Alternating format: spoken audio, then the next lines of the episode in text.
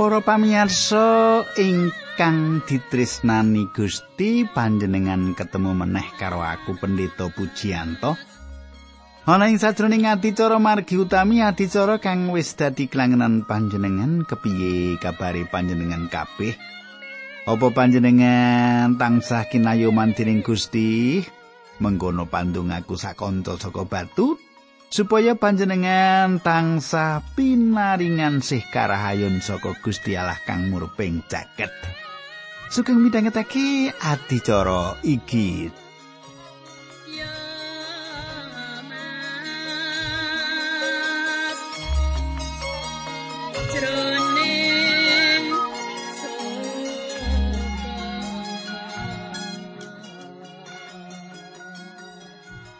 Katangku apa panjenengan isi kelingan apa sing ndaturake kepungkur kegandingan karo anggone kita sinau kitab Yusa? Tak jalo panjenengan isi kelingan apa sing tak aturake marang panjenengan? Nanging becik menawa aku ngaturake meneh setitik supaya panjenengan kelingan sakabehe apa kang ndaturake marang panjenengan ing dina kepungkur. Kadangku ing sajroning patemon kita kepungkur, kita wis rampung nganggon kita sinau bab pangandaring Torat. Ing patemon kita saiki, kita isih bakal sinau kitab perjanjian lawas, yaiku kitab Yusa. Apa wae kang dipratelake Yosua utawa Yusa ing kitab iki? Nah, saiki bakal kita semak bebarengan nanging sadurunge kuwi monggo kita ndedonga dhisik. Duh Kanjeng Rama ingkang adhedhampar wonten kraton ning kasuwargan kawula ngaturaken gunging panuwun. Menawi wekdal menika kawula saged tetunggilan, kawula saged sesarengan sederek-sederek kawula ingkang setya tuhu midhangetaken adicara menika. Duh Pangeran menawi ing wanci menika sanakatang kula wonten ingkang sakit. Duh Pangeran kawula nyuwun supados paduka sarasaken. Paduka berkahi, paduka paring kegiatan menawi ngantos sakitipun dumugi rumah sakit doh pangeran. Kawula nyuwun supados paduka cawisaken dana biaya lan ugi obat-obatan ingkang dipun tumbas saged andayani kesarasanipun. Dinambaran asmanipun Gusti kawula Yesus Kristus kawula ndedonga haleluya amin.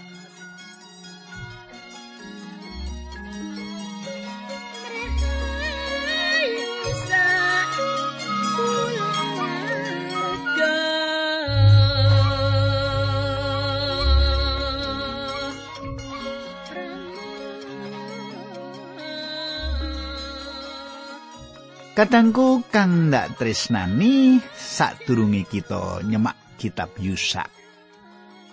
Ayo panjenengan ndak derekake sawetara bali nyemak kitab-kitab perjanjian lawas kang wis kita sinau. Kita bali nyemak kitab-kitab perjanjian lawas kang wis kita sinau. Ana ing kitab Purwaning Dumadi kita kita nyemak Israel dilairiki. Sebanjure ing sajroning kitab pangentasan, kita nyemak Israel dipilih dening Gusti Allah.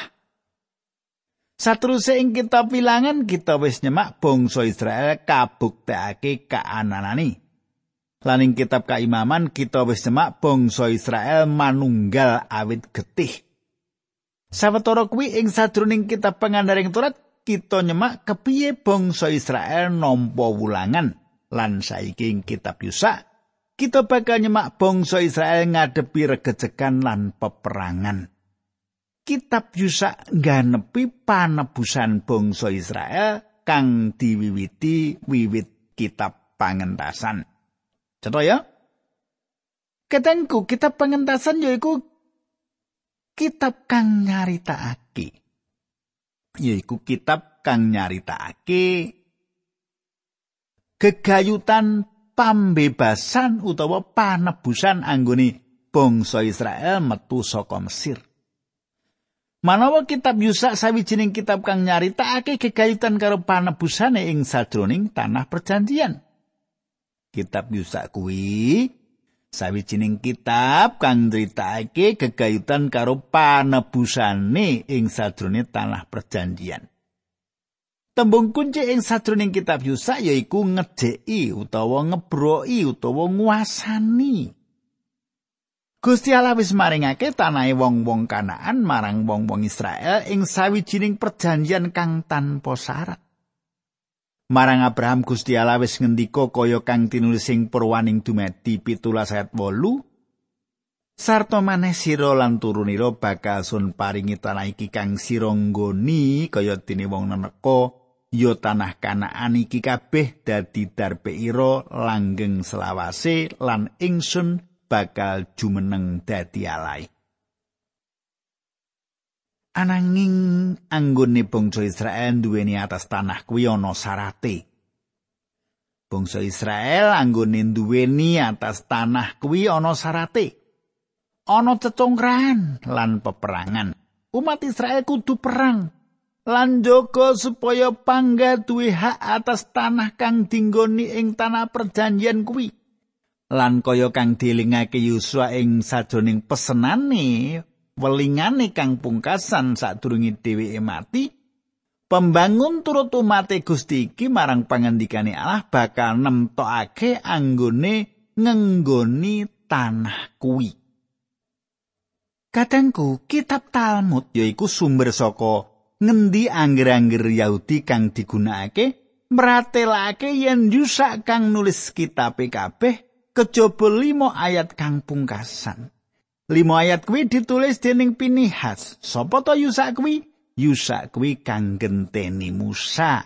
Yusa kuwi sawijining pemimpin laskar prajurit kang gedhe. Yusa kuwi wiwit lahir dadi batur tukon ing Mesir. Nalika bangsa Israel metu saka Mesir dhewe umure patang puluh taun. Kanthi mengkono nalika Yusa ngganteni tugase Musa, dheweke umure 80 taun. Matine Yusa umure pira? 110 taun. Yusa misuwur ing sadroning pangumbaran ning ora Samun. Panjenan iling nalika bangsa Amalek nyerang bangsa Israel, Yusa kang ngatur bangsa Israel nganti bisa ngalahake bangsa Amalek. Yusa leladi minangka pelayane Musa tulisan kekayutan karo saiki meratelake anggone dadi pelayan, meratelake kepiye anggone setya marang Musa lan anggone ngabdi marang Gusti Allah.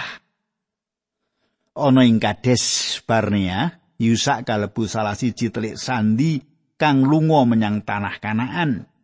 Yusa kalebu telik sandi kang duwe laporan kang nyenengake, dheweke duwe keyakinan kang gilik menawa Gusti Allah bakal maringake tanah kuwi. Katengku jeneng Yusa iku ateges Sang Yewah nyelametake. Tembung anyar ing sadroning perjanjian anyar yaiku Yesus. Yusa iku wonge kendel ing uripe Yusa sumende marang Gusti Allah ing sadroning iman ya anggone dadi pemimpin semangat lan anggone setya. Yusa iku kegambaran saka Sang Kristus sing sadurunge asma lan pakaryane. Ana wong kang kondo. Yusa ngatonake yen dhewe iku wong kang duwe kabisan rata-rata supaya bisa dadi pemimpin ing sadurunge gereja. Yusa ora nampa timbalani lumantar tulisan kang murup ing langit nanging saka wong tuwa kang wanuh Gusti Allah lan wanuh Yusa lan deleng yen Yusa dipilih Gusti Allah supaya dadi pemimpin. Kitab Yusa ngetrapake babagan kang gampang dilakoni kanggo wong percaya ing jaman saiki. Panjenengan saiki dadi wong tuwa, duwe putra, piye ya? Duwe warga jemaat, panjenengan mesti ngerti sapa iki wong sing kepengin dadi abdine Gusti. Sapa bocah-bocah iki sing ditimbali Gusti? Minangka abdine panjenengan minangka pemimpin jemaat minangka wong tua kudu ngerti menika nggih. Ha katengku. Tanah perjanjian ora bisa dadi sawijining kegambaran kasuwargan awit apa? Awit swarga iku dudu sawijining papan cecongkrahan lan peperangan. Swarga ditampa minangka sawijining peparing sih rahmate Gusti Allah. Tanah perjanjian kuwi ora luwih saka sawijining papan kanggo wong pracaya kang dituntun wektu iki ing sajroning donya. Kitab Yusak gegayutan karo layang marang pesamaning Efesus sing perjanjian anyar. Ana kono kita ndeleng wong pracaya diberkahi kanthi kabeh berkah kasukman. deduwekane lan pengalaman kasukmane gumantung anggone cecongkrahan lan peperangan.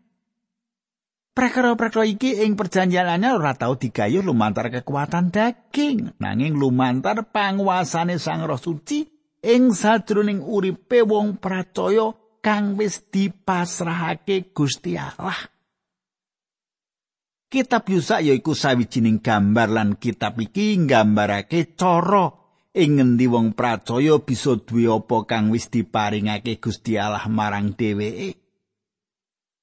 Katengku saiki kita mlebu ing kitab Yusa pasal siji. Ing sadroning rolas pasal kang kawitan, kitab Yusa ditulis tanah perjanjian kang dileboni. Sebanjure ing pasal 13 ayat 21 kita nyemak tanah iku didum-dum kitab iku ditutup kanthi welingane kang pungkasan yusak marang rakyate. Pasal iki kawiwitan kanthi Gusti kang secara pribadi maringake sawijining tugas lan dawuh. Coba panjenengan semak ayat siji, Yusak siji, ayat siji. Sawuse Nabi Musa abdine Sang Yewah seto, Tumuli ana dawuh Sang Yewah marang Senopati Yusa bin Nun abdine Nabi Musa mengkene.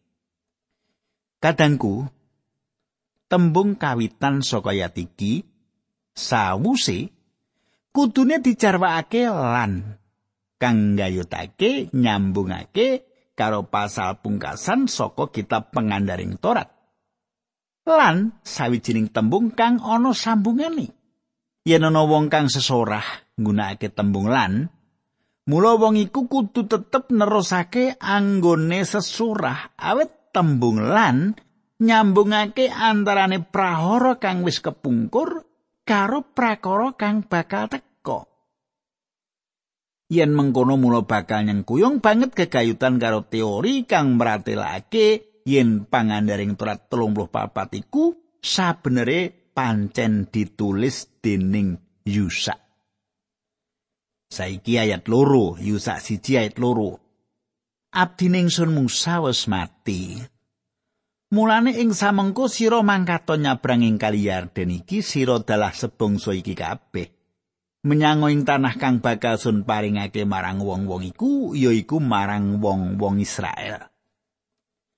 Katangku kang dak tresnani panjenengan semak tembung abdi ningsun Musa wis mati. Kaya dene kang kita deleng Musa ora kapilih kanggo mimpin wong-wong Israel mlebu ing tanah perjanjian. Sabenere Musa ora bisa nggawa umat Gusti mlebu ing sajroning tanah perjanjian. Musa makili angger-angger Torat lan angger-angger Torat ora bisa nyelametake kita. Angger-angger Torat iku sawijining sarana nuduhake lan dudu wong kang nebus. Angger-angger Torat kuwi nuduhake yen kita iki wong-wong dosa. Angger-angger Torat ora tau mbutuhake wong kang nebus. Musa ora bisa mimpin bangsa Israel mlebu tanah kuwi awit dheweke gagal. Masalahe ora ana ing angger-angger Torat nanging ana ing Musa dhewe. Padha kaya prakara kang kita adepi. Angger-angger Torat meratelake yen kita wis kelangan kamulyane Allah. Abdi ningsun Musa wis mati. Mong Gusti Yesus juru slamet kita yusak kita bisa mimpin kita ing sadurunging papan berkah kang wis dicawisake panjenengane kanggo kita. Katanggu ayat iki meratelake marang kita yen tanah iku diparingake marang Israel. Kang diduwei Israel atas tanah kuwi asipat tanpa syarat. Gusti Allah paring janji marang Abraham lan tedak turu ini. Gusti Allah neguhake janjine marang Abraham lan tedak turune. Gusti Allah neguhake janjine makaping kaping ing sadroning kitab purwaning dumadi. Ing sadroning kitab pangandaring Torat Gusti Allah akarya perjanjian Palestina karo Israel kang maringake marang wong-wong Israel tanah kuwi minangka darbe kanggo selawas-lawasi. Tak teruske ayat telu, saben panggonan kang bakal kaancian ing tapak ira iku sun paringake marang sira kabeh kaya kang dadi pangandikan ingsun marang Musa. Kadangku. Gusti Allah wis maringake tanah kuwi marang umat Israel. Tanah kuwi dadi darbee. Nanging apa wong Israel bisa lestari ngrasakake tanah mau iku gumantung marang nggone duweni atas tanah mau. perangan tanah kang dinci tapake bangsa Israel bakal dadi duweke bangsa Israel mau. Prakara kuwi bisa dibandingake kaya kang dingendikake marang kita ing layang Efesus bab 1 ayat telu. Kang ngandikake yen kita diberkahi kanthi kabeh berkah kasukman ing swarga besok. Emane sithik banget kang bisa panggah anggone nyekeli berkah-berkah kasukman kang wis dadi duweke bangsa Israel iki. Kadangku kang tak tresnani senadyan Gusti Allah maringake marang bangsa Israel tanah perjanjian kuwi nanging bangsa Israel ora tau andarbeni tanah kuwi sak butuhe. Malah bisa diwestani yen sak benere bangsa Israel mung nampani setitik tanah kang dijanjake Gusti iku. Akeh wong Kristen jaman saiki kaya wong Israel kang diberkahi kanthi kabeh berkah kasukman. Nanging wong-wong mau mati kaya wong gelandangan ing lawang kang kanggo mlebu tanpa bisa nuntut berkah-berkah mau dadi darbee. Lelakon kang mengkini kurak nyedihake banget toh. Kadangku kitab Yusa bakal nyaritakake marang kita kepiye carane kita bisa panggah anggone nggondeli bondo duwe kita. awit bakal ana peperangan. Mula marang kita kaparingan dawuh sajroning Efesus 6 supaya nganggo sarupaning prabot peranging Allah. Kita ngadepi mungsuh kasukman kang lumawan kita, kaya kang ditulis ing Efesus 6 ayat 13 mengkini suratane. Awit kang kita tandingi iku dudu daging lan getih, nanging para pamerintah, para panguwasa, para panggedhening jagat kang petang iki para roing kadrusilan kang ana ing langit panjenengan kateake ing kene yen mungsuh kita yaiku mungsuh kasukman Katanggu kita kudu nganggo praboting prangi Gusti Allah, kita kudu menang.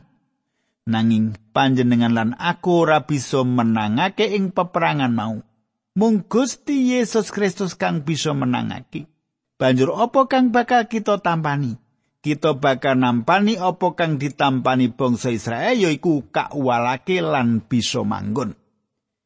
Saben kamenangan kang ditampa bangsa Israel iku kabeh diparingake dening Gusti Allah. Menawa panjenengan aku tahu nampani sawijining kamenangan, mula sabenere Gusti Allah kang paring kamenangan marang kita. Kanthi iman kita bakal nampani kamenangan. Ngiram iramaki. Saiki diteruske ayat papat.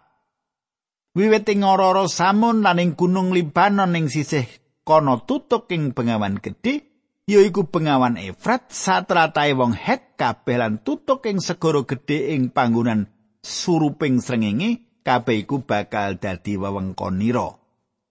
Kadangku kang tak tresnani panjenengan gatekake ing kene yen Gusti Allah maringake marang bangsa Israel tanah kang jembar banget hambane tanah kang diparingake dening Gusti Allah marang bangsa Israel ya kuwi 10 lipat tinimbang ambane tanah kang tau dinyatakake dening umat Israel. Kita bisa nyemak kasunyatane umat Israel iki ora kuwowo nindakake apa kang dadi dawuh Gusti kanthi apik. Iya toh? Umat Israel mung bisa nampa sak pro sepuluh perangan saka ambane tanah kang wis diparingake Gusti Allah marang bangsa iku. Ya mengkono kuwi kira-kira gunggunge padha kekayutan karo apa kang dadi darbe kasukman kang dinyatakake dening wong-wong percaya ing jaman saiki. Saiki tak teruske ayat 5 Yusak bab siji mengkene surasane. Sak cekira urip bakal ora ana wong kang bisa lestari ana ing ngarepira. Kaya anggoning sun nunggil karo Musa, iya kaya mengkono anggoning sun bakal nunggil karo sira sira ora bakal suntikake lan suntilar. Kadangku Yusa minangka dadi wong lumrah. Kasunyatane perlu dipecut semangati. Lan kita nyemak yen Gusti Allah nyurung lan maringi jaminan marang Yusa ing kene lumantar sawijining cara kang indah banget. Gusti Allah ngendika, "Aku ora bakal nikahake sira."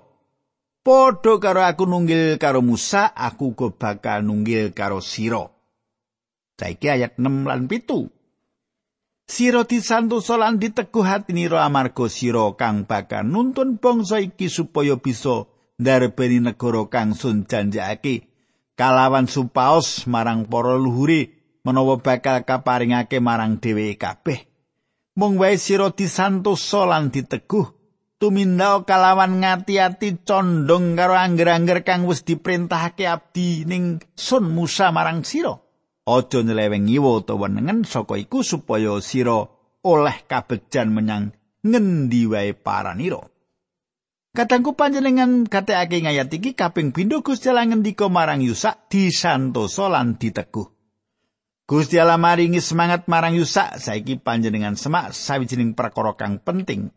Ayat bolu sira aja lali ngrembug kitab Toret iki, sira kilut-kilut rino wengi, supaya tumindak ira ngati-ati condong karo kang tinulis ing kitab iku amarga kanthi patrap mengkono lagunira mesti bakal lestari sarta sira bakal oleh kabejan Katangku ora ana tulisan kitab suci ing ngarepane Musa. Gusti Allah wawan pangandikan karo Musa Adwar Nanging Musa kanthi setya nyatet kabeh kang wis diparingake Gusti marang dheweke nganti limo kitab kawitan saka kitab suci kacawisake kanggo Yusak lan umat Israel. Ing sajroning kitab-kitab iku Gusti Allah wis maringi marang umat Israel kabeh kang perlu dimangerteni dening umat Israel kanggo mlebu tanah perjanjian kuwi. Umat Israel ora kena wal saka tuntunan kang ana ing sajroning kitab kuwi umat Israel kudu anggegit isi kitab kuwi nyinau lan nindakake ayat 9. Ingsun rak wis dawuh marang sira disantosa lan diteguh. Ojo kiris lan semplah amarga pangeran Yehuwa alaira nunggil karo sira ing saparan paranira.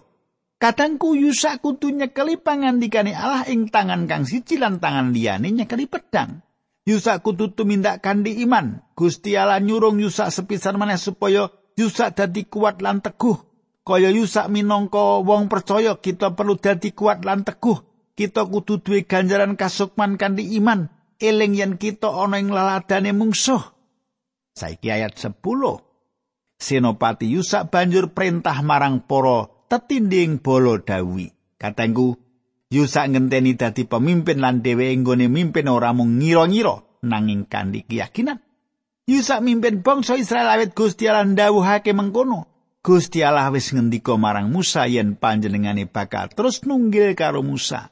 Nalika Musa bali saka Mesir sakwise ngentekake wektu mataun-taun ing laladan Median, Musa wedi banget nanging Gusti Allah ngendika kaya kang dinus pangentasan papat ayat 13 mangkene surasane kang iku sira mangkarta ingsun kang bakal ngereh hilatira lan mulang marang sira apa kang kudu sira ucapake Katanggu iki carane Gusti Allah. Nalika Gusti Allah nimbali Yeremia ing sawijining dina kang peteng lan angel, Gusti Allah ngendika ing sadurunging Yeremia siji ayat wong-wong iku bakal padha merangi sira, nanging sira ora bakal kalah amarga ingsun nganti sira supaya ngluwari sira mengkono dawe pangandikani Sang Yehuwa.